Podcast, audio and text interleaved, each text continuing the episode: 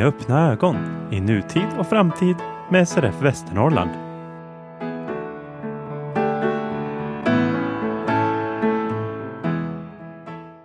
Tro det eller ej, men det är den första april 2023 och Med öppna ögon är tillbaka. Det där datumet måste man reagera på. Förr i världen så var det vanligt att i tidningar, i radio och även i sällskapslivet försöka lura varandra, hitta på saker som faktiskt inte stämde. Det kanske är så fortfarande på en del håll, men jag lovar, det är inte vår podcasts officiella hållning. Jag som pratar nu är Peter Kärnberg, men jag är som tur är inte ensam i studion, utan här finns också poddens producent, allt i allo, klippare och klippa, Kristoffer Tellin. Hallå du! God dag, god dag. Hur står det till? Jo, men det är bra, tack. Frida Kalander finns också här naturligtvis. Hej! Hej, hej! Jag måste fråga er, jag lever mig in i våren och det gör jag på grund av att det är så många årsmöten till höger och vänster. Borde jag fokusera på andra vårtecken tycker ni? Oj. Nej, det är ju svårt att se några andra vårtecken just nu om man, om man inte ser. Jag vet inte om man ser några andra om man ser, men det är fortfarande ganska mycket snö, det är fortfarande kallt. Så här traditionella vårtecken som fåglar och blommor brukar vi ju sällan reagera på för någon talar om att de är så.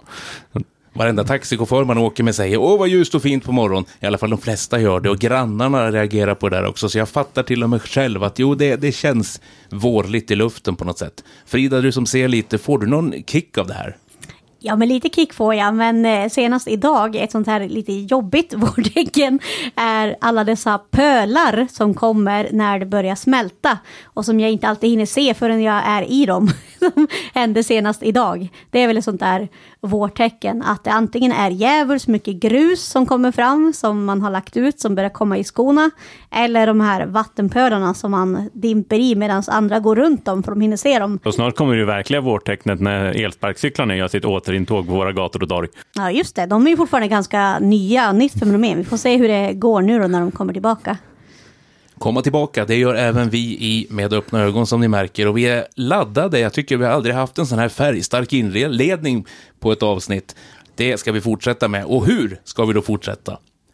Innehållet den här gången kommer att bestå av att vi först ber oss ut på de årsmöten som jag snuddade vid inledningsvis. Unga med synnedsättning norr har haft årsmöte i Umeå. SRF Sundsvall har haft det, SRF Örnsköldsvik har haft det och där har vi ett antal röster, inslag att spela upp. Frida kommer också att prata lite kort om SRF Härnösands årsmöte, någonstans i mitten där. Vi fortsätter sen med att besöka Söderhamn, Best Western Hotel och schack-SM för synskadade. Avslutningsvis så fortsätter vi samtalet med Andreas Pettersson som jobbar vid Södertörns högskola. Vi pratade med honom om färdtjänst i allmänhet, upphandlingar i synnerhet förra gången och nu fortsätter vi med att fokusera på synskadades rätt till färdtjänst bland annat. Den 3-5 mars höll US Norr årsmöte i Umeå och både Frida och Kristoffer var med, jag också faktiskt. Jag är för gammal för US, men eh, är man revisor får man äran att delta ändå. Vad tycker ni om årsmötet? Vi börjar med Kristoffer, eller årsmöteshelgen rättare sagt. Jo, men det var väl en ganska bra helg. Mötet flöt på ganska stabilt och vi hade inte så många röstberättigade deltagare tyvärr.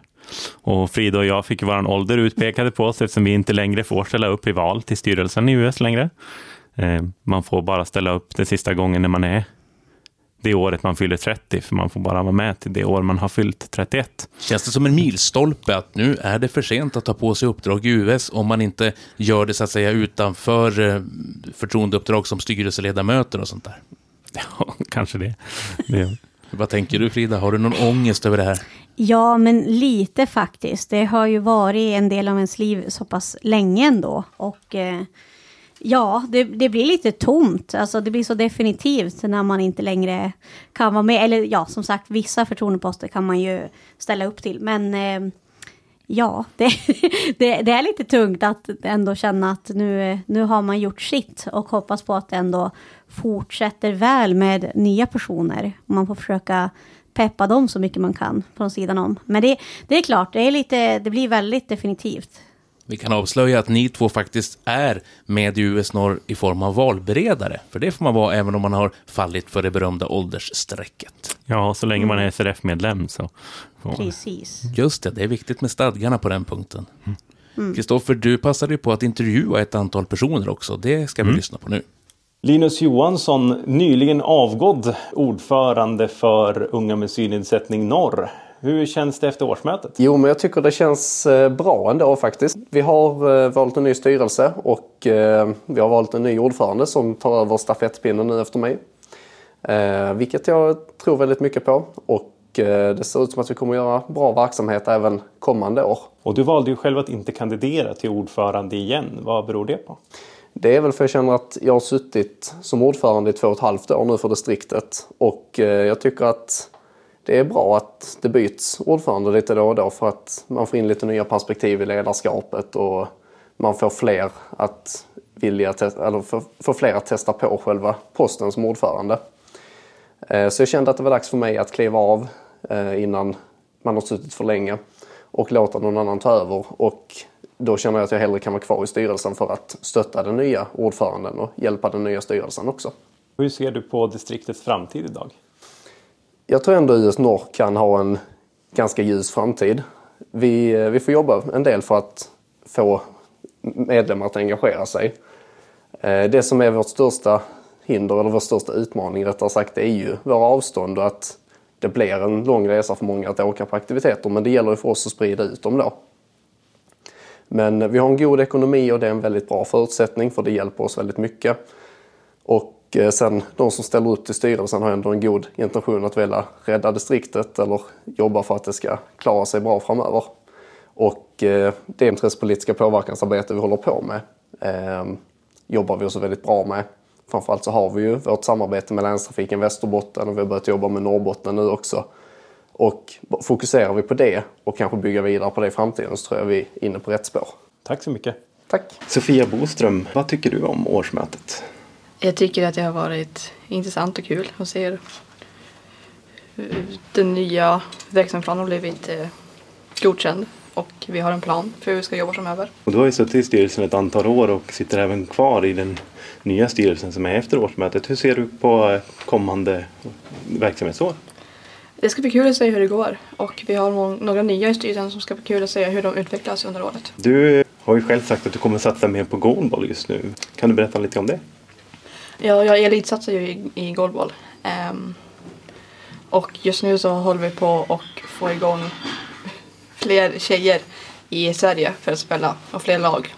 Så det är mycket där jag håller på med också. Eh, alltså det är en hel del turneringar nu under våren jag ska spela i också. Mm. Deltar Sverige internationellt i, i goalball? På klubbnivå ja. Och på eh, elitnivå så är det herrar som får spela. Så vi har inget damlandslag just nu? Inte just nu, nej. Elliot Holmgren, nyvald ordförande i Unga med synnedsättning Norr. Hur tycker du att årsmötet var? Jo, men jag tycker det var, det gick bra. Ehm, det gick väldigt fort. Eh, jag trodde det skulle ta längre tid än det gjorde. Ehm, det var väldigt bra diskussioner. Jag tycker vi eh, kom fram till mycket saker. Ehm, både gällande verksamheten och eh, andra saker. Vad fick dig att ställa upp som ordförandekandidat? Jag kände väl att eh, det, jag brinner mycket för distriktet och eh, jag har ändå suttit i styrelsen i några år och jag kände väl att det var dags att ta lite bättre, bättre större steg. Och eh, sen också att jag, jag tror att jag skulle kunna bidra till, till distriktet som ordförande, tror jag. Hur ser du på det kommande året? Jo, men jag ser väldigt positivt på det. Eh, jag tror att det kommer att bli ett bra år. Eh, vi har ju två stycken nya i styrelsen nu. Så det ska bli intressant att se hur allting går. Men jag tror att det kommer att gå bra. För att vi är ju ett gäng ändå kvar från den gamla styrelsen som har varit med ett tag. Så jag tror att det ändå kommer att gå bra. Vad anser du är de viktigaste frågorna som Unga med synnedsättning arbetar med? Ja, så dels är det ju alltså medlemsfrågor. Alltså att vi gör aktiviteter så att folk kan komma på aktiviteter och få gemenskap och träffa andra som har synnedsättning för att få en förståelse för att man kan ha ett bra liv eh, alltså, om man har en synnedsättning, vilket jag själv inte trodde före jag gick med i US. Eh, men också kring påverkansfrågor som ja, men, tillgänglighet i offentliga miljöer, eh, färdtjänst, kollektivtrafik. Tack så mycket. Och från US Norrs årsmöte går vi vidare till årsmötet den 9 mars med SRF Sundsvall. Mats Landfors, du lämnar idag ordförandeposten i SRF Sundsvall. Hur kommer det sig? Ja, det finns många skäl till det. Men man håller på att bli gammal och får sjukdomar som gör en ganska så nedstämd. Men eh, ja, det går, blir säkert bättre. Så länge det finns liv så finns det hopp. Om du ser tillbaka på SRF och det som har hänt under din tid, är det något speciellt som du kommer att tänka på direkt? Att det där var, det där var extra allt eller det där var väldigt roligt att vara med på eller det där var besvärligt? Jo, det var väldigt roligt att vara med på att det skapades SRF Västernorrland. För det var en sak som jag hade haft i tankarna länge. Och det jobbade du för redan på 80-talet? Det jobbade jag för så länge jag kunde. Och det var jag glad över att det vart av. Och nu verkar det ju fungera riktigt bra i alla fall och, och kommer att fungera bättre och bättre. Och i Västernorrland är du ju fortsatt aktiv som verksamhetsrevisor också. Visst. Vad tror du om SRF Sundsvall då? Vi har bytt ordförande. Frida Kalander är ny ordförande från det här mötet. Delar av styrelsen är inte ny men, men även omvald. Och det känns som att vi har gjort en viss generationsväxling i alla fall. Ja, men det är bra. Det behövs ju. Och Frida är ju en sån där sprittande personlighet som säkert har en hel del saker att eh, sprida vidare till andra. Så det tror jag säkert kommer att gå bra. Harriet Edin, du är också på SRF Sundsvalls medlemsmöte. Det här är ditt första årsmöte. Hur känns det? Ja tack, det känns bra. Alldeles utmärkt att se hur det fungerar här och eh, få veta alla nyheter och ni, hur ni bedriver det hela, föreningen. Det känns bra när folk vågar ta steget och komma sig hit. Det är jättebra när ni kommer med oss, ännu bättre när ni liksom vågar ja, men, komma på ett möte. Det känns fantastiskt för, för oss ska jag säga. Tack så mycket, men möten det måste man ju gå på för att man ska få reda på saker och ting. Vad tar du med dig härifrån? Är det något speciellt du tänker att det här var bra eller nej men det där kunde de ha gjort bättre? eller något annat? Ja, det är klart att eh, man får väl tänka till lite grann på vad som har sagts och läsa igenom papperna lite grann om eh, punkterna, olika punkter och så vidare. Så får man väl därefter tänka till. Det hade de ju kunnat gjort lite bättre. Eller det var jättebra. Men ja, i stort sett så tycker jag det fungerade bra det här. Härligt. Och läsa papper och sånt, har du gjort mycket. Du har jobbat bland annat som kommunpolitiker avslöjar ja. du här. Så. Och sedan så har jag jobbat som lärare så att det ja, läsa har jag kunnat göra. Vart jobbade du då, alltså som lärare? Jag jobbade i Kyrkmons skola bland annat och i lite olika skolor inom Sundsvalls kommun. Då, då får vi hälsa välkommen till fler träffar Tack enkelt. så mycket. Tack. Tack. Frida Kalander, numera inte bara ombudsman i distriktet utan även ordförande för lokalföreningen i Sundsvall. Sportfrågan, hur känns det? Ja, just nu är det lite svettigt för det har varit lite varmt i rummet. Nej, men det känns roligt. Absolut. Det blir spännande. Hur kommer det att märkas att du har blivit ordförande för SRF Sundsvall? Ja, du. Alltså, jag tänker väl att vi kanske ska försöka vara lite mer utåtriktade och synas. Alltså i media och ute på olika arrangemang och så. Det har ju varit lite mindre av det de senaste åren. Så det kanske kommer märkas. Intressepolitiskt också. Du är en hängiven intressepolitiker. Ja, men det skulle jag säga. Och det, det kanske också blir ännu mer av. Men, eh, men jag tycker att man har varit väldigt aktiv redan där. Men eh, det, det skadar inte att vara ännu mer på i våra frågor. Och sen tänker jag att syntolkning och de här sakerna som folk vet att SRF Sundsvall står för, de lär ju väl bli kvar? Ja, men precis. Alltså de här träffarna som vi kan ha enkelt och, och ses och både få det här sociala umgänget men också faktiskt få nytta av syntolkningen i filmer och teater. Den är viktig för oss. Kan ju vara någon medlem som vill komma i kontakt med dig. Hur gör man då? Man kan väl börja med att mejla mig på min eh, arbetsmail skulle jag säga. Då kan man mejla på frida.karlander, K-A-R Lander snabel.srf.nu eller så kan man ringa mig på 070-65 65 092. Från SRF Härnösands årsmöte hade vi inget ljud att presentera, men Frida, du var ju där och agerade mötesordförande. Vill du bibringa oss lite kunskap och känslor från det mötet? Ja, men eh, jag och vår kanslist Fredrik var där. Eh, vi var ju på Härnösands folkhögskola som vi brukar vara mycket på. Det är ett välbekant ställe. Vi var runt 20 personer totalt. Det var ändå ganska många som dök upp. Det var ett trevligt och lättsamt möte att leda. Och eh, på slutet där så tackar de av eh, Sylvia Hedin som har varit aktiv väldigt länge i Härnösandsföreningen som har planer på att lämna Härnösand. Hon har ni också kunnat höra här i podden i personporträtt. Den 18 mars besökte du, Kristoffer, kanslisten Fredrik Lundström och undertecknad SRF Örnsköldsviks årsmöte. En tillställning med ett 15-tal deltagare och efter mötet fick vi en pratstund med några av dem. Alvar Linder efter SRF Örnsköldsviks årsmöte, hur är läget? Läget är bra. Eh, efter en så god smörgåstårta så kan man inte annat än må bara bra. Jag längtar i och för sig hem till sängen och kan lägga mig eh, en liten stund. Det skulle också vara nyttigt för kroppen tror jag. Har det varit ett hårt möte? Inte så att det är det som påverkar men det är tot, total eh, dagens alla, allt som har varit med om helt, helt enkelt idag. Jag har hunnit vara ute och fiska i tre timmar utan att fått en enda gädda. Då hade du flytt sen som kom på årsmöte istället kan man ju säga. Mm. Vad tycker du om SRF Örnsköldsviks aktiviteter annars? Hör du, jag är glad det är som det ser ut nu. En, en eh, förstärkt styrelse framför allt och jag ser verkligen fram att de kommer, eller de har kommit igång jättebra. Så det är bara att önska dem lycka till med, med den, det program de håller på att ta fram. Och du har ju varit med och bidragit för du har också ingått i valberedningen. Ja, det har jag väl varit i 15-20 år snart. Och lär ju bli fast där resten av livet.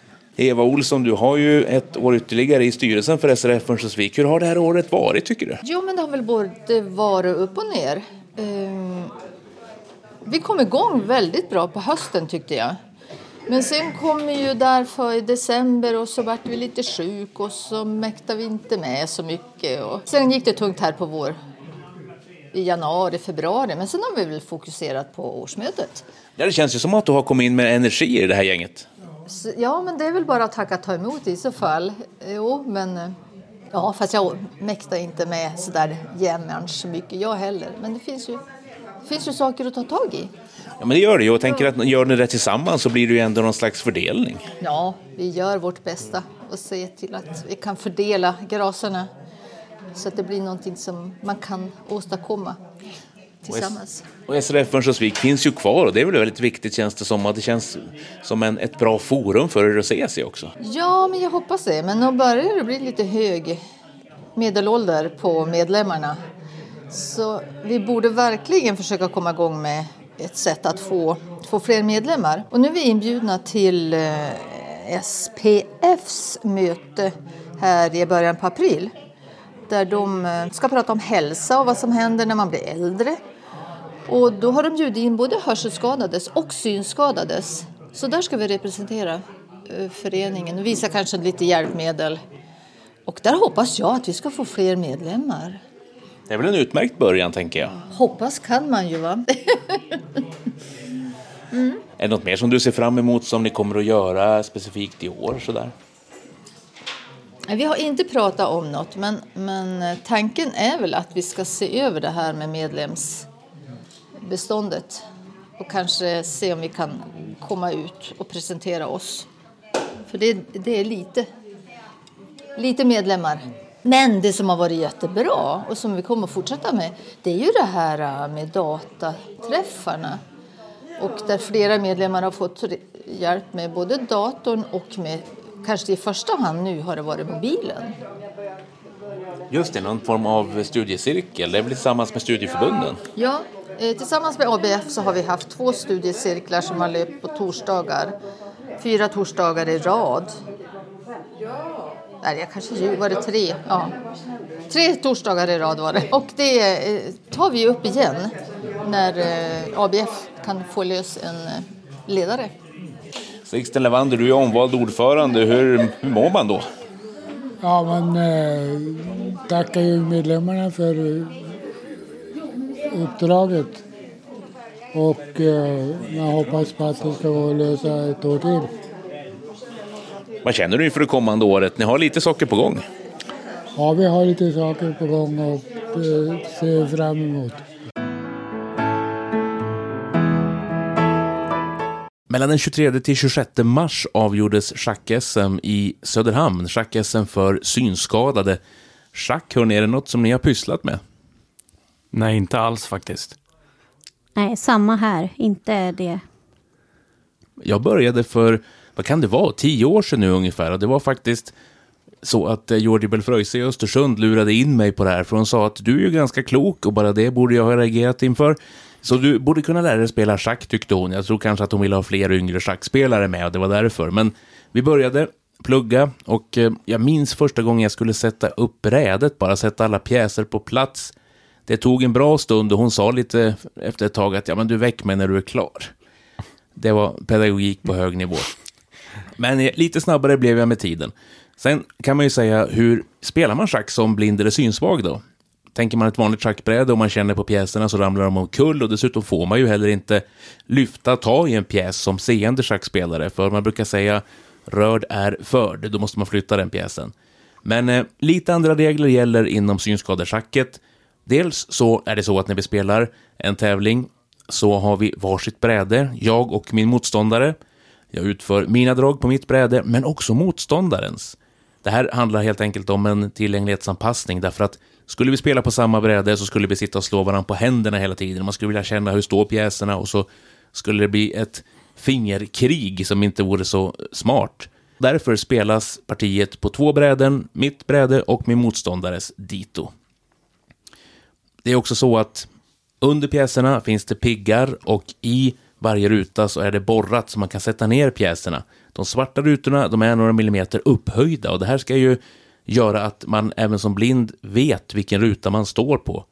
Sen brukar man lära sig det här någorlunda utan till när man spelat ett tag, men i början var det väldigt trevligt att veta vilken ruta som var vit och vilken som var svart och var pjäserna stod och att kunna ta dem lite ovanpå och känna så att de inte föll omkull. Sen måste jag säga att de bästa schackspelarna som synskadade, de kan också spela i huvudet. Jag fattar inte hur man gör. Det finns de som kan spela simultant mot flera stycken på en gång, 10-20 personer alltså, och hålla det här i huvudet. Men då brukar jag säga att då måste man ha något, något annat fel, lite skämtsamt. Jag har alltså hållit på på, inte amatörnivå kanske, men på en medelmåttig nivå. Men eh, jag kommer nog att prata med ett par personer som ligger på en betydligt högre nivå. Vad skulle du säga är det svåraste med att spela schack utan att se? Det är väl egentligen att hålla ställningen någorlunda i huvudet. Det ska man ju träna på, men sen är det ju också att träna in minnet. Schack kan nog bidra till att man får en känsla för orientering också. Jag tror att det kan påverka övriga livet. Livet är ju faktiskt som ett schackspel på många sätt. Att alltså tänka efter innan man gör ett drag. Man kan ju spela väldigt fort ibland och tro att man gör ett genialt drag och nu ska motståndaren minsann snart få bita i gräset.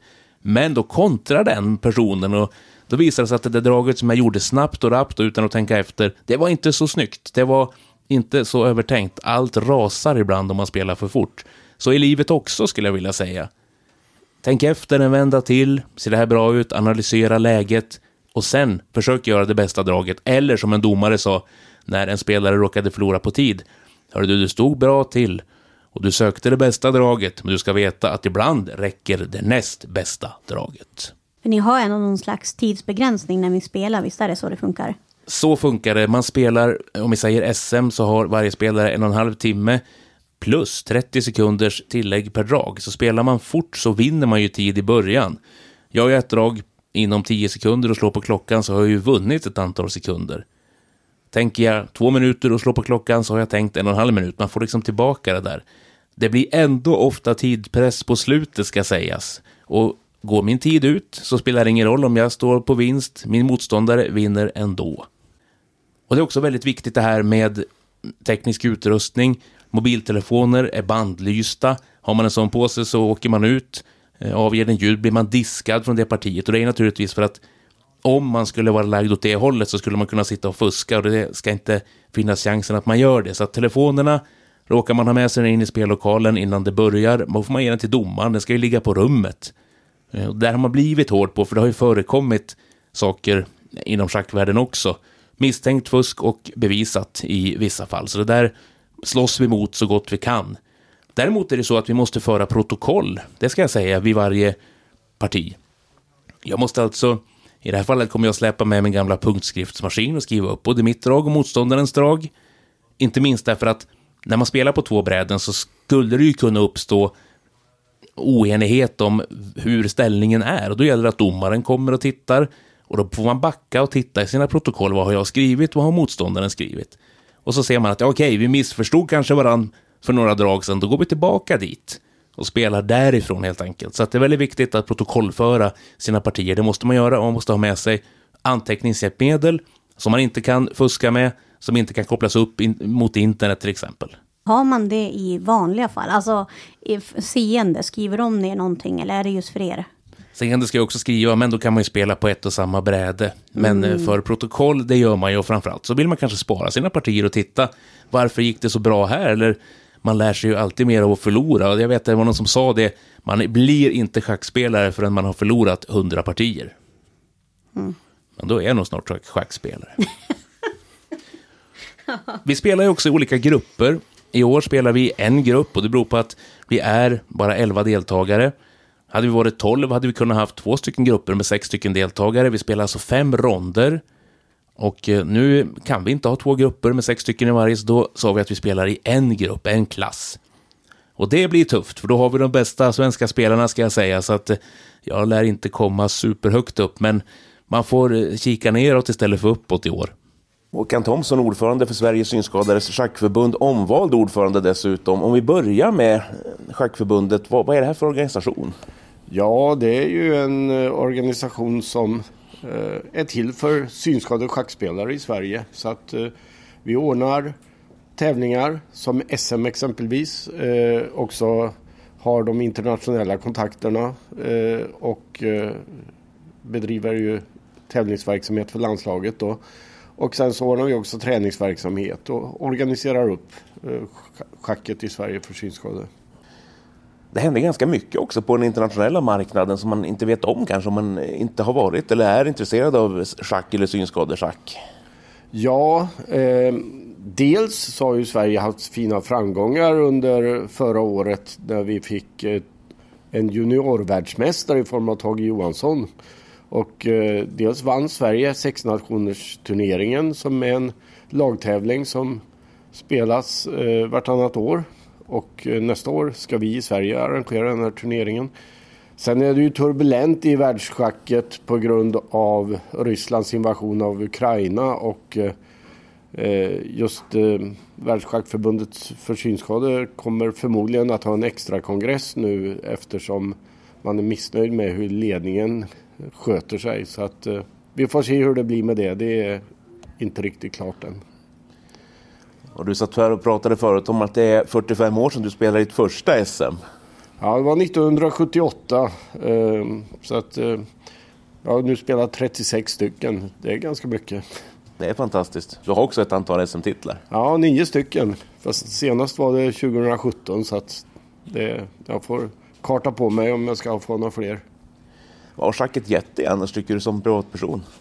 Nej men jag tycker ju schack är jätteroligt och eh, det har ju gett mig liksom både eh, möjlighet att lära känna folk och, och, och eh, åka på tävlingar och träffa både seende och synskade. Eh, och, eh, ja, nej, jag tycker det, det är stimulerande och och eh, visserligen är det ju tufft att spela, man, man är trött efteråt och så men när man kommer hem från en turnering så känns det ändå som att man har liksom fräschat upp hjärnan och, och gjort något helt annat som man har fokuserat på. Så att, så att då är man pigg igen. Så att det, nej, jag, jag, jag, jag tycker schack är väldigt roligt.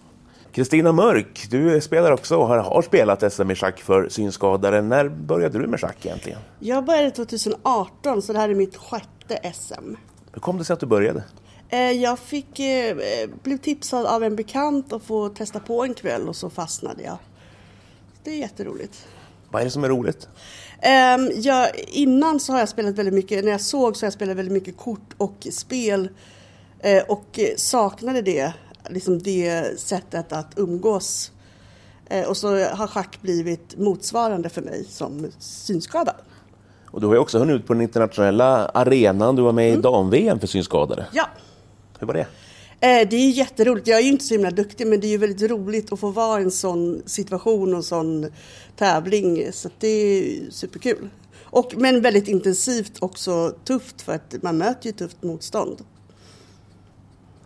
Men det ger chans, schack ger chans till att resa ska, ni, ska vi säga till alla som lyssnar också. Det, det, så, så är- jag uppmanar många, alltså nu är jag ensam kvinna och det är lite tråkigt. Vi har några tjejer på gång men eh, uppmanar alla kvinnor och tjejer att börja spela schack för det är jätteroligt. Varför tror du att det är så mansdominerat då? Eh, ingen aning faktiskt. Det är jätte, jättekonstigt tycker jag. Något historiskt kanske? Ja, och det är ju samma i all typ av schack så jag tror inte det är just bland synskadade utan det är i vanlig schack också, eller vad säga. Har du någon nytta av det här schackandet i övriga livet? Tänker man mer på andra saker eller vad är det? Liksom- Nej, men däremot så har det varit en ingång till att lära känna andra synskadade för mig. Som har varit jättebra eh, och fått liksom bra för min rehabilitering, för självförtroendet och sånt. Men sen kanske inte riktigt schack i sig. Det kan ju vara något annat som man får ut samma sak av. Bara att man måste hitta något som funkar bra för en själv. Men du spelar kontinuerligt, för ni har ju en Stockholmsklubb med där spelar synskadade. jag. Så vi spelade varje torsdag typ. Ungefär. Vad finns det kvar som du vill utveckla? Eh, jättemycket. Sen så är det ju alltid brist på tid för att man eh, har ju så mycket annat i livet också. Så det är väl det som är, men man utvecklas ju hela tiden så att eh, jag vill bli bättre och eh, jag är ju inte jättenöjd med mitt SM-resultat så jag vill inte komma på så här dålig plats igen. Är det poängen eller spelet som du är misslynt med eller bägge? Ehm, poängen, alltså jag tyckte att jag spelade bra men det har inte visat sig i poängen. Och det kan ju vara för andra också har blivit bättre. För jag tycker att jag har blivit bättre eh, i alla fall de senaste två åren. Så att det är väl, men det är också roligt för då är det antagligen att andra också har blivit bättre. Så det är egentligen en rolig utveckling för schacket. Nästa tävling är öppna Götalandsmästerskapet då, om vi ser till synskade, synskadetävlingar i Sverige. Ja, dit tänkte jag åka. Så jag hoppas att det kommer någon. Och det är ju bara att kontakta Skånes schackförbund om man vill ha information för att åka dit. SM är över. Olle Engström sitter här på en barstol. Hur är läget? Ja, det är alldeles utmärkt. Vilket SM i ordningen är det du spelar? Eller när började du egentligen? Ja, jag började att spela SM, jag tror att det var 1980 mitt första. Vad tycker du om det här SMet då? Landar du på den prestation du ville ungefär? Eller är du misslynt eller glad? Om jag säger så här, eh, jag fick ju tre stycken hårdar i mitten.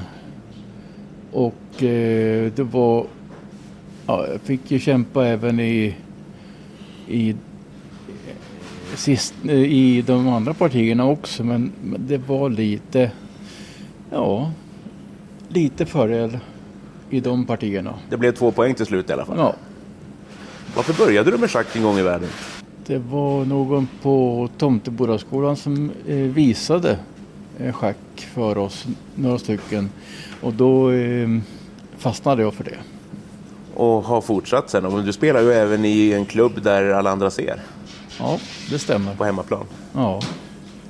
Sen har du gjort en del resor vet jag. Du snackar om att åka till England i sommar. Du har gjort, eh, vad är det, Irland och alla andra ställen du har varit på innan och spelat Ja, också. jag, har till, jag har varit med på ganska mycket faktiskt. Är det något särskilt som sticker ut?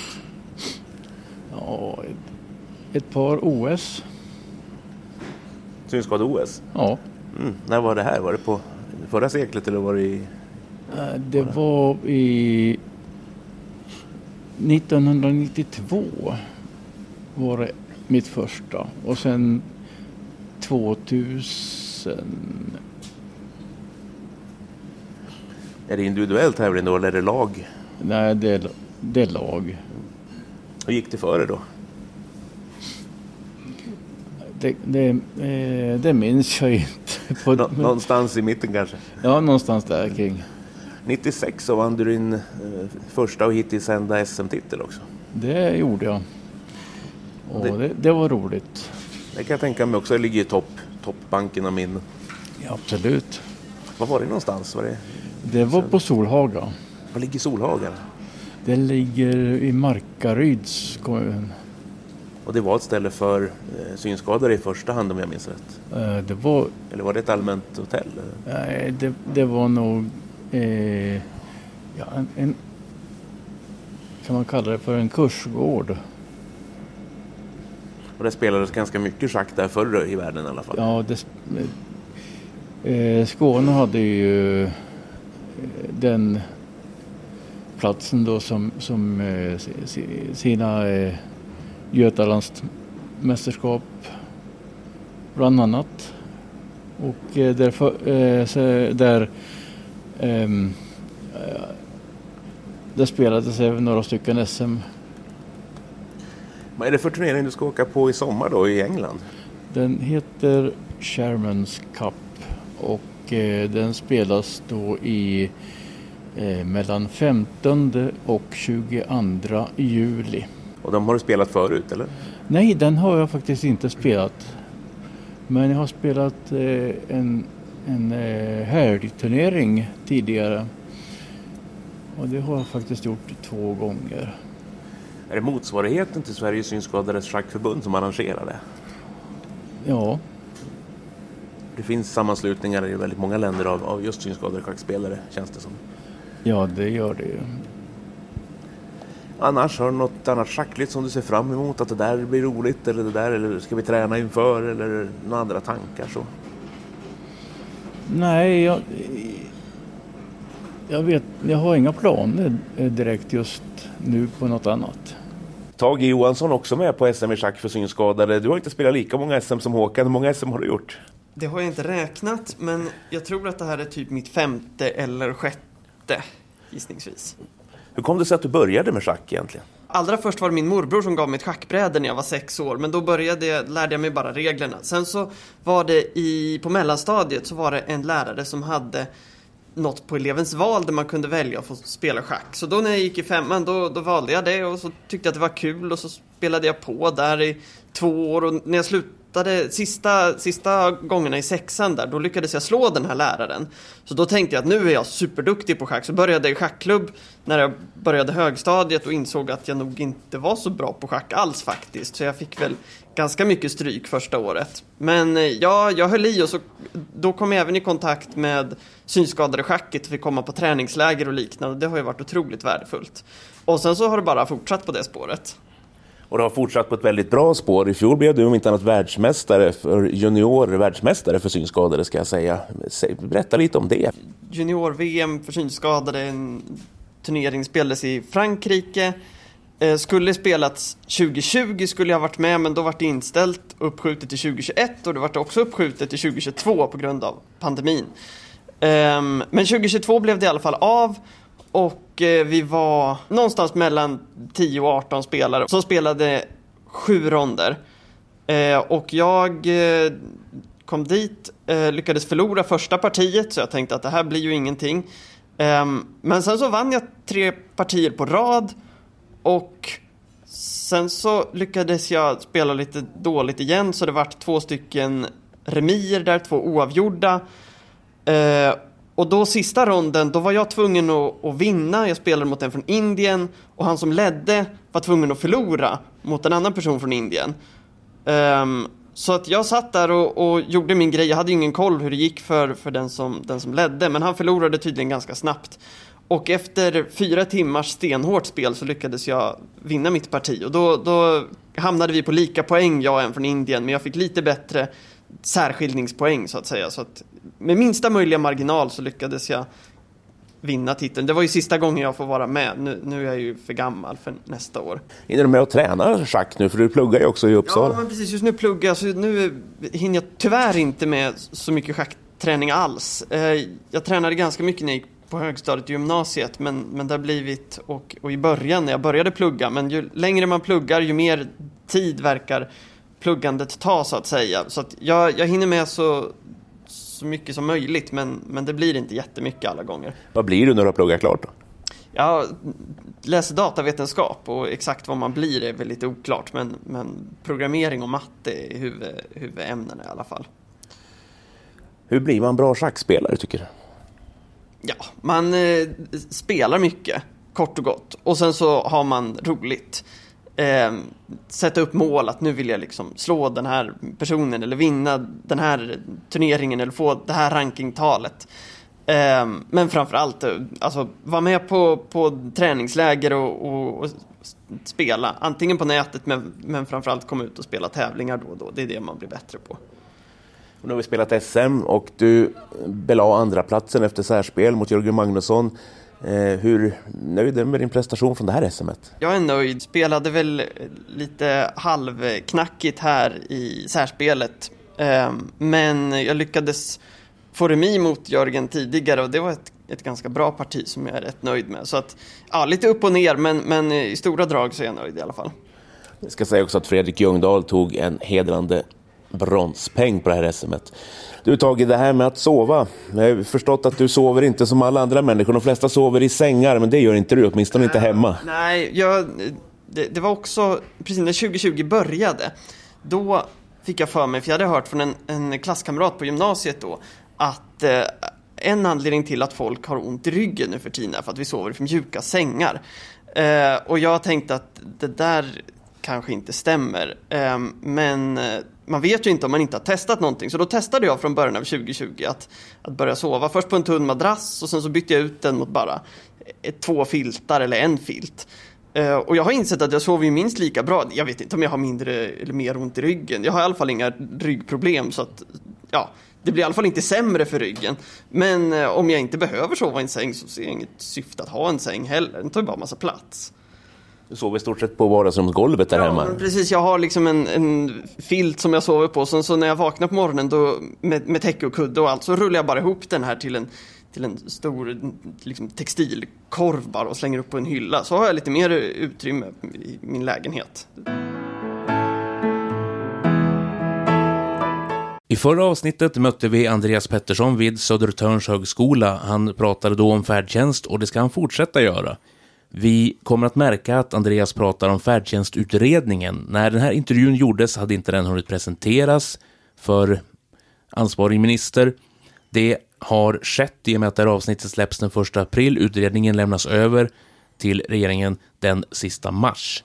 Vi kommer att uppmärksamma det här i vår podcast genom att ge ut ett extra avsnitt som enbart fokuserar på färdtjänstutredningen. Vi kommer att prata förhoppningsvis med utredaren, med SRFs förbundsjurist och även andra personer på Riksförbundet och själva analysera vad vi tror också. Det handlar ju om att en del synskadade har nekats färdtjänst, en del som har haft färdtjänst i många, många år har fått sina tillstånd indragna.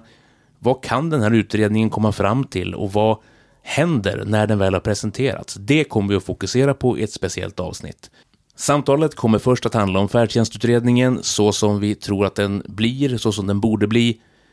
Vi går vidare och pratar om hur färdtjänsten ser ut i Norden i övrigt. Det har Andreas forskat på och vi avslutar med hans vision för färdtjänst. Jag vet inte, Andreas, hur mycket du har följt, förmodligen ganska eh, intensivt, eh, det som har hänt inom synskadevärlden när ett antal personer har blivit av med sin färdtjänst. Man har inte fått tillstånd beviljade för framtiden. Personer som har haft färdtjänst i 30 år. Vi har haft fall med unga blinda personer inte fått färdtjänst av olika anledningar. Man anser att man ska kunna träna in vägar att gå och så vidare. Och det här känns Kafkaartat för oss, för det är någonting som vi inte trodde skulle kunna hända. Men hur analyserar du läget? Ja, alltså det, det, är ju djupt bekymrande på flera plan samtidigt. Eh, man kan ju säga att det till att börja med är del i ett större mönster som vi ser när det gäller tillämpningen även av andra regelverk än färdtjänstlagen. Vi ser samma mönster när det gäller tillämpningen av LSS, alltså lagen om stöd och service till vissa funktionshindrade. Vi ser det när det gäller tillämpningen av socialtjänstlagen som är viktig för till exempel ledsagning och annat. Eh, och vi ser det inte minst i eh, alltså hanteringen av eh, förmåner i socialförsäkringen som inte nödvändigtvis behöver gå till människor med funktionsnedsättningar. Vi har sett det till exempel när det gäller sjuk sjukpenning och så vidare. Och man kan se ett gemensamt mönster här och det är att de här myndigheterna i allt högre utsträckning slutar följa lagarna, slutar följa förarbetena till lagtexterna och mer och mer börjar jobba efter kan vi kalla det, hemsnickrade, hemsnickrade juridiska lösningar där man ser sig som skattebetalarnas lite advokater mot de här gnälliga människorna som vill ha saker. Och så börjar man eh, det börjar då successivt sprida sig ett synsätt i myndigheterna. och då pratar jag om kommuner, då pratar jag om. Eh, där det blir mer och mer okej okay att göra avsteg från lagens regler, det blir mer och mer okej okay att gå ifrån upparbetad praxis eller sånt som har varit eh, eh, en självklarhet när det gäller till exempel regeltolkning och så. Och istället introducera då de här egna hittepå Eh, resonemangen om att nu ska vi spara pengar, nu ska den här gruppen inte längre ha, nu ska vi ta ifrån dem saker och ting. Och det här är ju oerhört problematiskt eftersom det handlar ju inte om att lagstiftningen har ändrats. Det har inte varit någon demokratisk debatt om det här. Det har definitivt inte ägt rum några demokratiska beslut som vi som väljare eller medborgare kan ha synpunkter på som har eh, styrt den här riktningen utan det här är alltså någonting som händer inne i myndigheterna. Det är alltså ett, en form av tjänstemannastyre där man alltså plockar makt från demokratin och sen plockar av juridiken så att säga dess normala verktyg och sen så kör man en helt egen linje och det här är ju jätteallvarligt. Det har ju tillsatts en utredning också av eh, förra infrastrukturministern Thomas Eneroth. Jag vet inte hur mycket du har följt den, där man ska se över tillståndstilldelning bland annat eh, efter att Synskadades riksförbund, Unga med synnedsättning och Sveriges dövblinda gjorde en, en stor kampanj och samlade in namn och så vidare. Känner du till utredningens mål? Tror du på den? Att den, att den ger någon bättre eh, möjlighet för synskadade att behålla färdtjänst eller få tillstånd i framtiden? Det är en väldigt bra fråga som också är en väldigt svår fråga. Eh, jag har eh, följt utredningens arbete och eh, jag tycker de har gjort ett väldigt fint jobb. Alltså det, det här ligger då på Myndigheten för trafikanalys och de har verkligen tagit seriöst på uppgiften. De har samverkat med det omgivande samhället på ett väldigt bra sätt tycker jag och också bjudit in oss då som väl får se oss som experter i de här frågorna på ett, tycker jag, väldigt bra sätt. Eh, och man kommer att lägga vissa förslag som jag tror kommer att, vara bra för färdtjänsten. Samtidigt måste man vara medveten om att utredningsförslag om lagändringar, ja, det löser ju verkligen ingenting nödvändigtvis. Därför att vad även om det skulle leda till faktiska ändringar av lagstiftningen så har vi fortfarande det här problemet jag just pratade om, nämligen att det här ska då tillämpas i myndigheter som i allt högre utsträckning faktiskt väljer att strunta i lagen och istället gör någonting annat. Och det där är ett stort demokratiskt problem och jag har verkligen inget bra svar på hur vi ska komma åt det. Men vi måste börja eh, titta på vad som händer inne i myndigheterna. Vi måste titta på myndighetskulturen och tillämpningen av lagarna. Så, eh, det finns, tror jag, ibland en sorts desperation nästan från riksdagens sida. Det har vi sett inte minst i LSS, där man hela tiden kompletterar lagen, kompletterar lagen och kompletterar lagen. Alltså det kommer ny lagtext hela tiden i ett försök att eh, hejda den här utvecklingen inne i myndigheten och försöka få dem att liksom, följa de demokratiskt fattade besluten. Men det fungerar inte. Så. Eh, så vi har alltså ett problem som snarare, har att hand, snarare handlar om, tänker jag, styrningen av myndigheterna. Vi måste få tillbaka en respekt för den demokratiska rättsstaten, en respekt för den demokratiska styrningen. Vem ska ingjuta den respekten? Ja, det är en väldigt bra fråga i sin tur som jag önskar att jag hade ett väldigt bra svar på. Och det har jag tyvärr inte. Vad man kan säga, om man, om man vill vara kritisk, eh, så kan man säga att eh, eh, det skulle vara bra om regeringen, riksdagen och de högsta förvaltningsdomstolarna drog det här lasset så att säga. Man kan nog inte förvänta sig att myndigheterna själva kommer att liksom leda sitt eget stora förändringsarbete utan de behöver någon som tar tag i det. Och ingen av de här aktörerna gör egentligen vad de eh, skulle kunna göra. Eh, regeringen tar av många skäl inte de här frågorna riktigt på allvar tycker jag. Det kan man ju alltid fundera på vad det beror på. Riksdagen tycker nog att det är svårt att agera ensam och vänta på att regeringen tar initiativ. Högsta förvaltningsdomstolen och kammarrätterna de är riktigt dåliga i de här frågorna. Eh, man har inte väldigt stor eh, kompetens i välfärdsfrågor rent allmänt i förvaltningsdomstolarna. Och där man har det så tycker jag inte heller man utnyttjar det på ett riktigt bra sätt. Utan jag tror att man ofta har svårt att se i de här eh, överinstanserna eh, konsekvenserna av de beslut de faktiskt fattar. Man tror att man bara tar beslut i någon enstaka fråga. Man tror att man bara tittar på till exempel Andreas Petterssons tillstånd. Så det kommer bara att handla om honom här. Och så förstår man inte vad som händer i myndigheterna där vi numera har en situation, det gäller färdtjänsten, det gäller LSS, det gäller socialtjänstlagen. Så fort det kommer en dom som tar ifrån människor rättigheter, då ses det som oerhört prejudicerande i de här myndigheterna. Då är det omedelbart en dom som ska vara vägledande för allt beslutsfattande. Medan om vi får en dom som går åt andra hållet, någon får sin färdtjänst, någon får sin assistans, någon får sin ledsagning, då ses de inte som vägledande. Eh, och det här kan ju inte domstolen själv eh, påverka så. Det här är ju ett, ett, ett eh, lite rättshaveristiskt beteende inne i myndigheterna. Men domstolen kunde i alla fall vara medveten om det och börja skriva domarna på ett sådant sätt att man, faktiskt visar att man är medveten om det och försöker ge myndigheterna lite bättre vägledning. Men vi har ett demokratiskt problem. Alltså, I mitt huvud dyker det här upp med att det också hänger ihop med välfärdssamhällets avveckling på något sätt.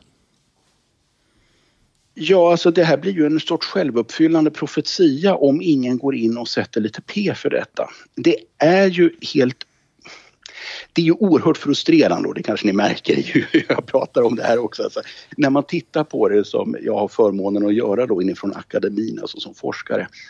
Eh, Sverige är ju alltså per capita, det är alltså världens tolfte rikaste land. Så, vi har en fantastisk ekonomi. Vi har en otrolig logistisk kapacitet. Eh, tack vare de senaste årens invandring så har vi dessutom fått en närmast vi har fått en fantastisk tillväxt också i ekonomin som de övriga nordiska länderna inte är i närheten av. Det går otroligt bra för Sverige ekonomiskt och har gjort så de senaste 10-15 åren. Ändå pratar politiker från alla partier som om vi var ett fattigt land. Som om vi behövde spara, som att det var lite synd om oss. Som att oj, oj, oj, hur ska vi få ihop det här när vi måste vända på kulorna? I själva verket har vi fantastiskt faktiska resurser.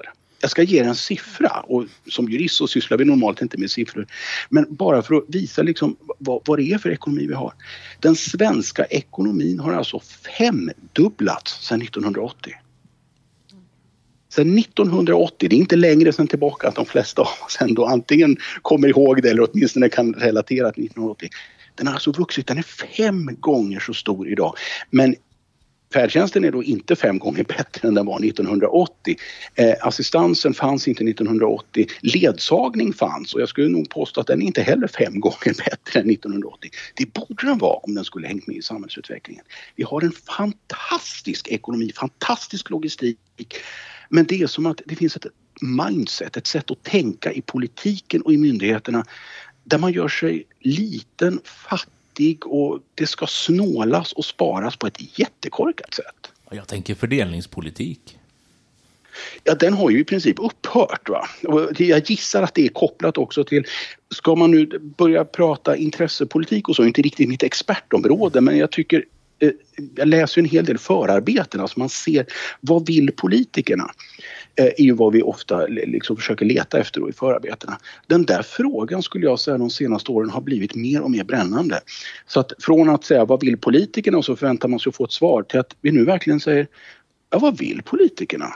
Och det senaste året har jag också börjat fundera på, vill de någonting överhuvudtaget? Finns det någon som vill någonting? Är det någon som vill något på funktionshinderområdet? Är det någon som vill något med färdtjänsten? Är det någon som vill något med transporter? Vi har alltså förutsättningar att bygga ett av världens bästa kollektivtrafiksystem. Skulle vi kunna göra i Sverige. Kanske inte lätt och enkelt och fort men vi skulle definitivt kunna sätta upp det målet och det skulle vara betydligt mer realistiskt att nå det målet i Sverige än på många andra ställen. Men jag tror inte det finns någon som vill. Om vi blir lite mer juridiska igen då. Färdtjänstlagen har vi pratat, inte så mycket om, men det är dags för det nu i alla fall. Eh, Hur den är, hur den borde förtydligas, dina tankar runt färdtjänstlagen som fenomen? Ja, alltså den dras ju med ett par problem och eh, det, det, är inte, jag håller på att säga, det är inte färdtjänstlagens fel så den är på många sätt faktiskt en ganska bra lag. Eh, det första problemet har jag redan pratat om och det är att den tillämpas inte lojalt i myndigheterna utan den tillämpas ju allt mer utifrån det här vi ska snåla, vi ska spara, vi har inte råd, vi är ett av världens rikaste länder men vi har inte råd perspektivet så.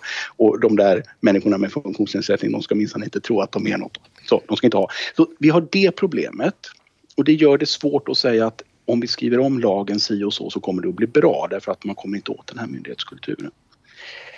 Eh, sen har ju lagen det här andra problemet att Eh, den fortfarande inte kräver av kommuner och regioner att de samordnar färdtjänsten med den allmänna kollektivtrafiken. Och jag tjatar lite om detta men det är faktiskt viktigt på riktigt. Därför att om man lägger ihop det här i en stor penningpåse då får vi ett helt annat tryck i tillgänglighetsfrågorna. Och jag kan tänka mig att inte minst för SRF skulle det vara ett fantastiskt lyft om man kunde flytta in färdtjänstfrågorna till den allmänna kollektivtrafiken. För då skulle det helt plötsligt bli ett brännande område. Ja, hur tar jag mig till hållplatser? Hur tar jag mig till stationer? Vad händer när jag kommer fram till tågstationen?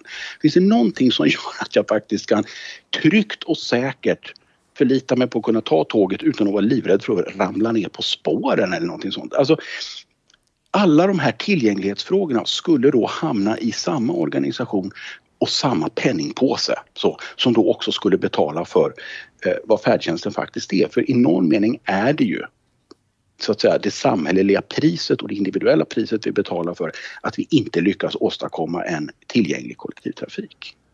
Och just det där kring, som vi säger, det är också någonting som vi ofta hör när man lyfter fram det som argument, och inte minst ur synskadeaspekt, att ja men hur hittar jag hållplatsen? Ja men snälla, det är inte vårt problem.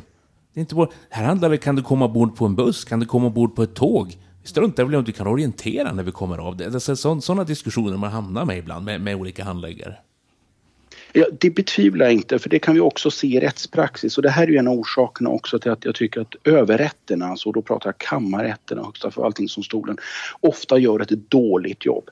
Här kunde de gå till, för det första förarbetena till färdtjänstlagen och se att det finns gott om juridiskt utrymme och ta hänsyn just till vad vi skulle kunna kalla ett hela resan perspektivet. Men framförallt har det ju hänt saker sedan färdtjänstlagen kom. Den kom ju 1997 och moderniserades senast 2006. Det har ju hänt grejer sedan dess. Eh, det har kommit nya juridiska tolkningsverktyg och det viktigaste av dem är ju att Sverige har tillträtt FNs konvention då för eh, rättigheter för personer med funktionsnedsättning. Och det finns ju ett par artiklar. Artikel 19 om aktivt deltagande i samhällslivet och artikel 20 som händelsevis då handlar om personlig rörlighet de ger ju tolkningsdata. Här skulle man ju önska att Högsta förvaltningsdomstolen hade varit på banan och till exempel hade märkt då att Sverige sedan ett bra antal år tillbaka har tillträtt den här konventionen märks ju inte ett spår av det i deras dömande verksamhet. Det är som att de eh, har helt missat att vi har det här ganska utvecklade nu internationella instrumentet. Och Sverige har haft ett par rapporteringsomgångar också till kommittén som övervakar konventionen. Det här är ju liksom en levande konvention. Det sitter en bra kommitté. De skriver utomordentliga rekommendationer. De skriver utomordentliga sådana här guidelines som ländernas eh, domstolar kan använda sig av. För att, ja, men okej, okay, hur ska vi tolka den här lite gamla färdtjänstlagen nu då, på ett sätt som står i överensstämmelse med konventionen? Man gör inget av detta. Det är oerhört låga ambitioner. Det är halvtaskigt juridiskt hantverk om jag ska vara ärlig. Ja, det känns också som att du har en ekonomisk aspekt här, för man vet ju okej, okay, vi åker på anmärkningar när vi levererar vår rapport och funktionshinderrörelsen kanske gör en skuggrapport som säger något helt annat. Men alltså det kostar ju oss ändå ingenting, så okej, okay, vi, vi tar det. Man skriver inte så mycket om det heller. Det är lite så jag tolkar det, högst privat, men, men jag vet inte om du funderar något åt det hållet också. Ja, det, jag kan säga att det är en bild jag delar i väldigt hög utsträckning och det är som sagt oerhört frustrerande. Både för att vi har den här fantastiska ekonomiska utvecklingen. Att man inte vill stödja den genom en ännu bättre infrastruktur är i sig oerhört märkvärdigt. Och vad jag aldrig någonsin lyckas förstå det är just den här attityden att man sitter och nästan tycker synd om sig precis som man vore ett fattigt land, som man vore ett fattigt folk, som man inte hade ekonomi. Vi har en av världens starkaste ekonomier. Det går oerhört bra för Sverige. Vi har fantastiska resurser. Att man inte vill göra något för de här, det är för mig lite obegripligt så.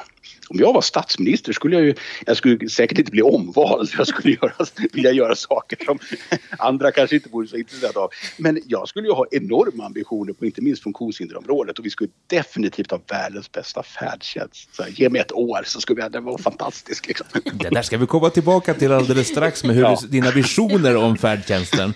Jag ska bara fråga mina medkombatanter, har ni något mer på just det här området som ni nej. vill inflika? Nej, det är jättebra. Frida? Ja, nej, ingen jag kommer på nu. Nej, okej, okay. då, då surrar vi vidare tycker jag. Eh, ja. Nästa sak är också intressant. Kan du berätta om skillnaderna mellan den svenska färdtjänstmodellen och de nordiska? För det här har du forskat på om jag förstår det rätt. Ja, jag har tittat på framförallt Danmark, Norge och sen har jag ganska bra koll på Finland också. Jag har inte lika bra koll på Island och Färöarna, det ska jag erkänna. Så att jag, jag lämnar ute dem, även om de också är viktiga nordiska länder.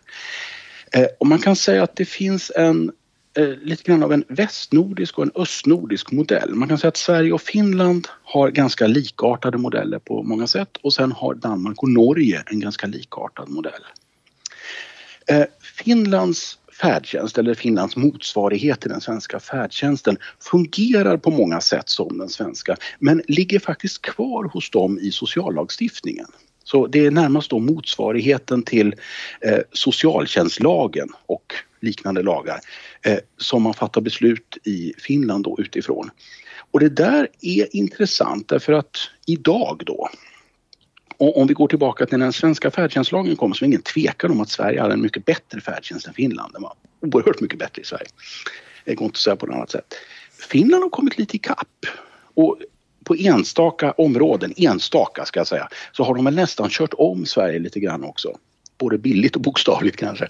Eh, och det har att göra med att lagstiftningen i Finland lämnar ju också just utrymme för att ta sociala hänsyn. Man behöver inte bara Eh, stoppa in det i det här transportparadigmet utan man kan också titta på, eh, liksom, okej okay, men behöver du de här resorna för att ditt liv ska fungera så kan man, man liksom bevilja det mer.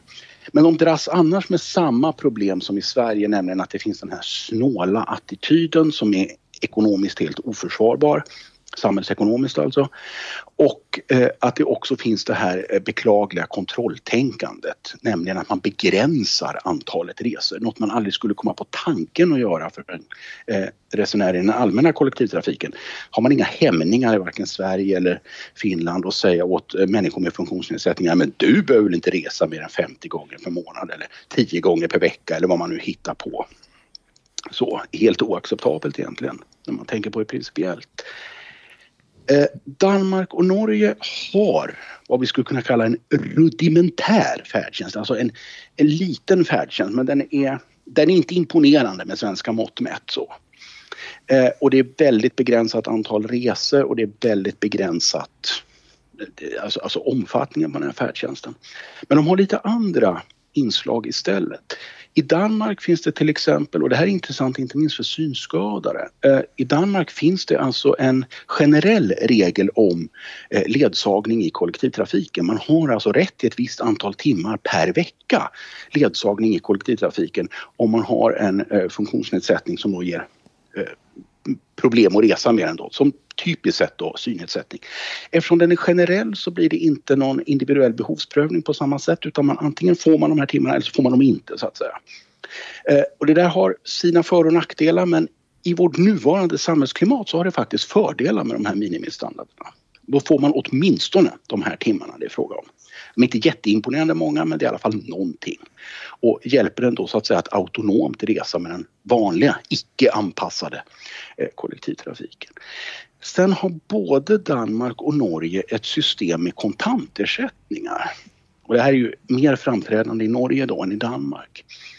Eh, där man helt enkelt eh, för, för, för, att uttrycka det väldigt enkelt så personen med tillstånd till Eh, den här servicen, beställer taxi som vilken kund som helst och är också i förhållande till taxibolaget kunden. Så, det är alltså inte upphandlade resor utan man ringer taxibolaget när som helst då man vill resa på dygnet och så sen så får man då alltså en viss kontantersättning av eh, det allmänna då som täcker då en viss mängd resor.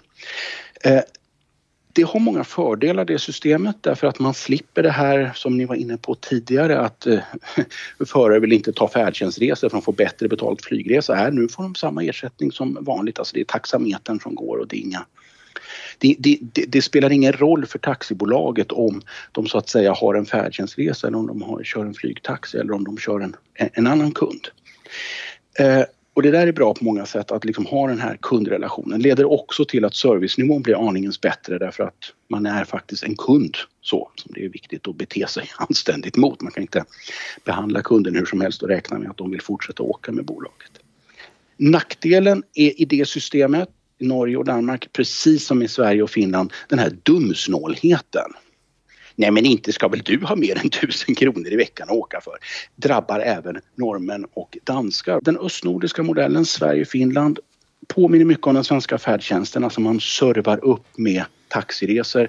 Medan den danska modellen är mer sammansatt. Alltså i någon mening generell ledsagning för de som behöver det. Lite färdtjänstliknande service för de som behöver det och då är det framförallt människor med omfattande rörelsenedsättningar. Och så sen kontantersättningar. Och Norge vilar ganska tungt kan man säga då på just kontantersättningar. Hur tycker du att färdtjänsten skulle fungera optimalt om du fick dra upp konturerna? Det första jag skulle förändra i systemet det är att ta bort alla begränsningar. Så. Och det här bygger på gedigen forskning. Det här vet vi om eh, alla slags trafiksystem att om man inför såna här tak du får inte åka mer än si och så många resor per vecka, si och så många per månad och sådär. Det är jätte, jättedumt. Eh, därför att det leder till eh, så här suboptimala eh, val som det heter. Eh, då kommer folk att hamna i situationen, ska jag följa min dotter till ridträningen eller ska jag gå på mötet eller ska jag Eh, göra någonting annat. Så det där är jätteolämpligt. Det begränsar människors livsval på ett väldigt allvarligt sätt samtidigt då som det också krymper så att säga, ekonomin och den ekonomiska aktiviteten. Så alla sådana här begränsningar måste bara bort. Det andra är att jag tycker man ska titta på Norge och Danmark och Eh, släppa den här eh, upphandlingsmodellen överhuvudtaget. Alltså det, det, tar mycket administrativ tid och kraft att hålla på med de här upphandlingarna och hålla på och rulla de här taxiavtalen i både Sverige och Finland. Jag tycker man kan titta på Danmark och Norge och ta lite inspiration där. Så att bort med alla begränsningar, stoppa in regelverket under de regionala kollektivtrafikmyndigheterna, de som ändå sköter den allmänna kollektivtrafiken. Inför en absolut lika behandlingsregel när det gäller priset och sen är det bara att köra. Och då menar jag alltså att du betalar för ditt månadskort eller tiokort eller enkelresa som du vill men det ska vara exakt samma pris som den allmänna kollektivtrafiken och annat är oacceptabelt. Så att, eh, I Stockholmsregionen då där jag råkar bo, ja, då får det vara månadskortet för, på, på SL man betalar för. Och sen måste ju samma villkor gälla då för färdtjänsten, den här förbättrade färdtjänsten som på SL. Eh, på SL så åker jag alltså obegränsat om jag har ett månadskort. Det innebär att jag åker obegränsat dygnet runt även med den här färdtjänsten. Och alla eh, politiker som eventuellt hör det här de kommer ju liksom antingen liksom så här häpna eller liksom andas in väldigt kraftigt. Åh gud, hur skulle man kunna få ett sånt system att funka? Jag lovar att det skulle inte bli mycket dyrare än dagens system. Därför att det är väldigt få människor som vill tillbringa en stor del av sin vakna tid med att åka fram och tillbaka ut i trafiken i en bil. Så det är inte ett normalt mänskligt beteende. Det finns inga system så. Om vi tittar på vilka som åker liksom bara fram och tillbaka med allmän kollektivtrafik, ja då är det människor med svåra sociala problem. Alltså man är hemlös och man har helt enkelt ingenstans att ta vägen. Så. Det, det, det är möjligen de som kommer upp i de här resmönstren. Det är alltså i princip riskfritt att låta människor välja själva när de ska resa. Det är viktigt av ekonomiska och likabehandlingsskäl att de här resorna inte får kosta mer än de gör för alla andra. Så att där har vi ett bra system och taximarknaden skulle må jättebra av det här. Det skulle gynna seriösa aktörer. Så, de som satsar på kvalitet och så skulle då få en ärlig chans att konkurrera på lika villkor. Det skulle vara jätte, jättebra för taximarknaden. Det skulle inte bli dyrare. Vi skulle slippa en massa administration och så är det bara liksom åk på. Och då får vi en väldigt bra fungerande, eh, ett bra fungerande resemönster för samhällsekonomin. Så. Om man knyter det runt kollektivtrafiken, tror du att det skulle funka även på eh, nivåer av glesbygd där till exempel en buss per dag går? Skulle någon få för sig att säga, men titta det här går det ju bara en 16.00 då ska vi kanske inte ha så mycket färdtjänst den här söndagen. Hur, hur skulle det bli där tror du? Jag tänker som så att eh, även där finns det bara samhällsekonomiska vinster med att ha ett, eh, så att säga, ett väldigt fritt resande. Så.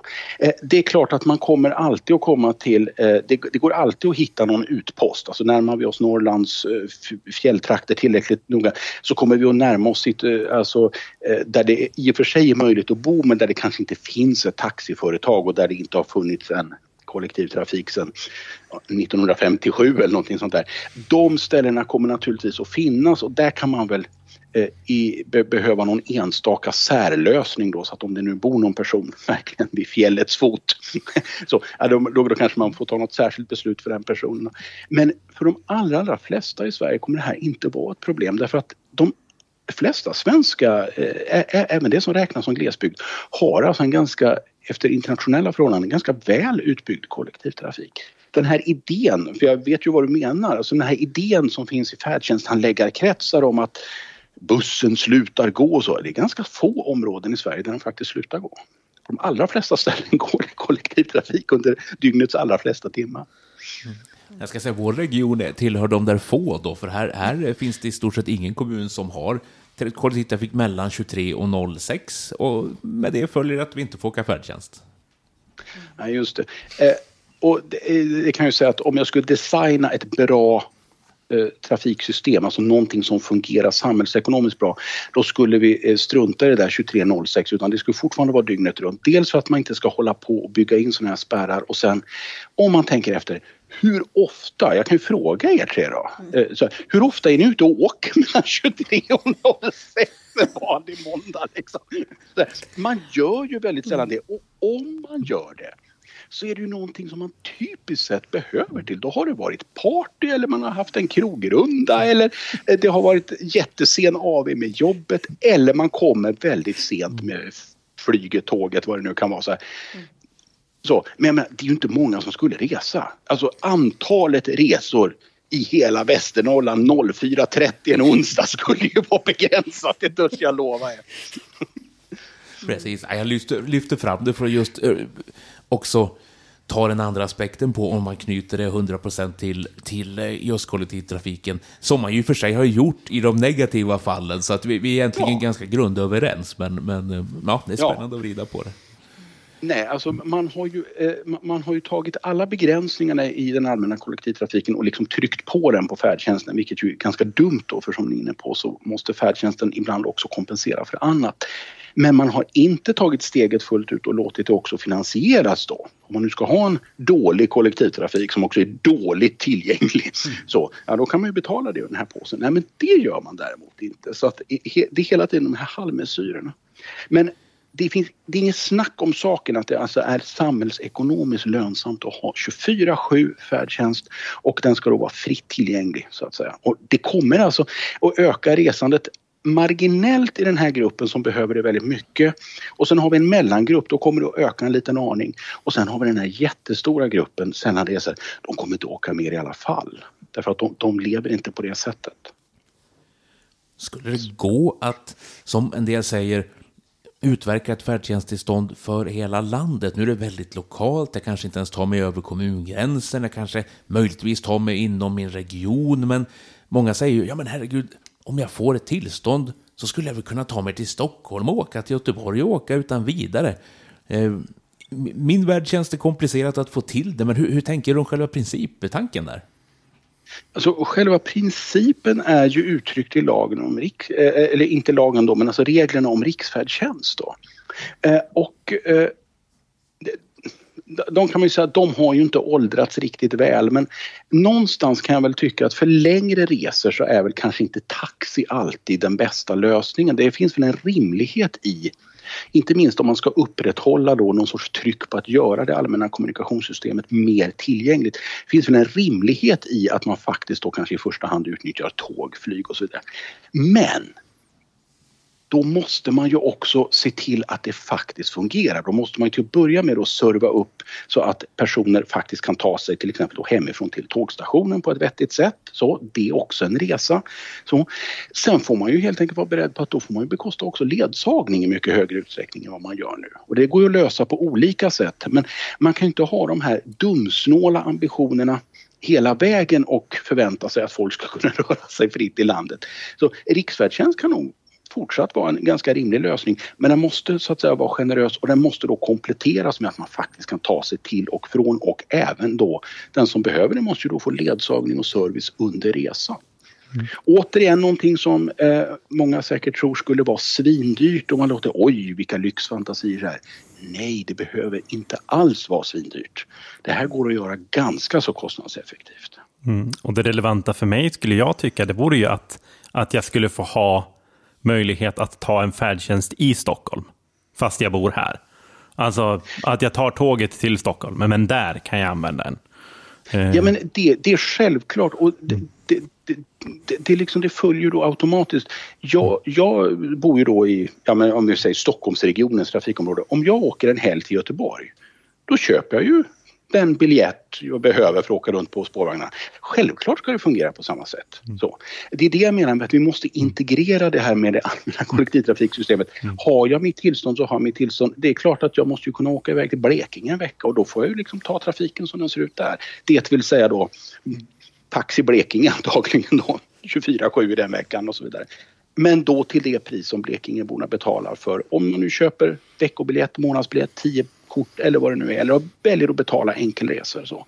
Men det måste alltså vara en total likställighet här i systemet. Det här är inte svårt att administrera i vår digitala tidsålder ska jag säga också. Det här är inte komplicerat alls. Men man saknar viljan.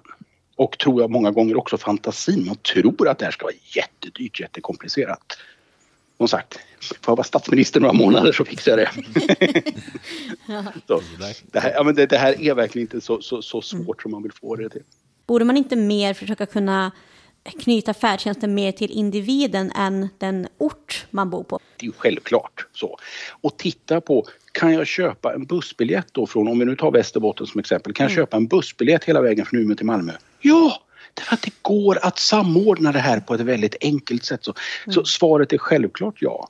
Och jag tycker verkligen inte man ska stanna där heller.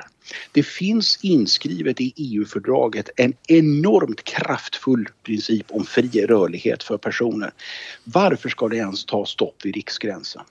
Så, varför ska man inte på samma sätt som alla andra kunna ta en lång weekend i Lissabon eller liksom kunna åka till Paris och förvänta sig och då, då naturligtvis, alltså då får man ju ta det landets servicenivå, det landets struktur. Men man ska naturligtvis ha tillgång till den. Jag tror faktiskt att det här skulle vara fullt möjligt att realisera inom vår livstid så att säga. Det här är ingen utopi, det här går att ordna. Mm. Vi ser hur man kör, eh, börjar köra de här tågen nu. När det helt plötsligt blev ett omvandlingstryck av klimatskäl så ser vi hur man helt plötsligt kan börja samordna de här tidigare oerhört nationella tågsystemen. Går helt plötsligt jättebra att köpa sovvagnsbiljett hela vägen från Stockholm till Berlin och så vidare. Vill man så kan man alltså integrera de här kommunikationssystemen väldigt tydligt. Och vi har redan sett i Köpenhamn och Malmö, alltså där man över Öresundsbron samarbetar kring sådana här frågor, går alldeles galant. Två länder, två olika system, två olika valutor, funkar alldeles galant. Så här, det här kan vi lösa. Det låter som Så att du tycker då, att vi kan att då bättre. inte kunna lösa... Ja. Ja, vi, vi kan så Ja. mycket bättre Mm, än vad vi gör. Och att inte kunna lösa det i lilla Sverige, det är ju bara vilja. Det handlar inte om resurser, det är bara vilja och förmodligen då brist på fantasi och kanske kunskap. Eller att man inte bryr sig. Ett fantastiskt samtal. Finns det någon fråga, Andreas, som du funderar på? Varför ställer de inte den? Jag tycker ju i och för sig att ni har ställt fantastiskt bra frågor och det är ju väldigt roligt ska jag säga också. Så här, Jag sällan jag har så kul på jobbet som jag har just nu. Eh, Så att, att liksom få, få, få spåra lite fritt hur det skulle kunna se ut. Men det finns ju väldigt mycket allvar i botten vill jag ju understryka också. Eh, det finns ju alltså ett enormt behov av faktiskt vanlig enkel likabehandling så att en människa med synnedsättning eller vilken funktionsnedsättning det nu må vara så ska verkligen känna på fullt allvar att man är fullvärdig samhällsmedborgare, har precis samma valmöjligheter som andra. Och när man då som jag vet att just på transportområdet så är det här väldigt uppnåeligt. Det är väldigt lätt att göra. Det går att åstadkomma med enkla medel och inte alls vansinnigt dyrt. Och så då mötas av nej, det är oerhört frustrerande. Här kan vi göra fantastiska grejer till låga kostnader som skulle göra livskvaliteten otroligt bra, vara samhällsekonomiskt gynnsamt. Men liksom så här, var är farten? Var är visionerna? Så att någonstans så börjar man mer och mer titta, i alla fall jag då, väldigt tveksam på politikerna. Så liksom, vill de någonting? Här är ju öppet mål, tänker jag. Så långt Andreas Pettersson och eh, när vi ändå är inne på färdtjänst och sådana saker så kan vi säga att Frida och jag kommer att delta i en eh, workshop, ett möte med Region Västernorrland i början av april i Sundsvall där vi ska prata om upphandlingsunderlagen inför att man ska upphandla kollektivtrafik och därmed tillhörande färdtjänst och sjukresor. Vad är det mer på gång Frida? Ja, vi har ju vårt distriktets årsmöte den 22 april på Härnösands folkhögskola. Så att där finns det fortfarande möjlighet att anmäla sig till det. Och ni anmäler er till vasternorrland srf.nu.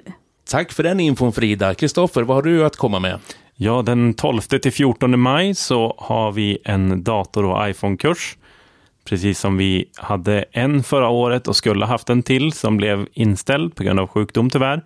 Men den här gången ska det väl gå bättre så att den 12 till 14 maj så är vi på Härnösands folkhögskola och eh, pratar datorer och smarta telefoner igen. Och det kostar fortfarande 500 kronor att delta. Det stämmer.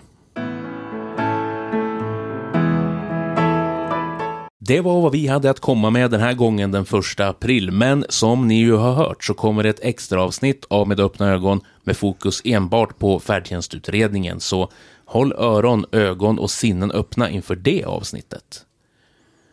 Vill ni kontakta oss så gör ni det på antingen mail vasternorrland srf.nu eller via telefon till ombudsman Frida Kalander 076 539 9225. Då hoppas jag att vi gemensamt kommer att uppleva våren påtaglig på många, många sätt inför att vi hörs nästa gång.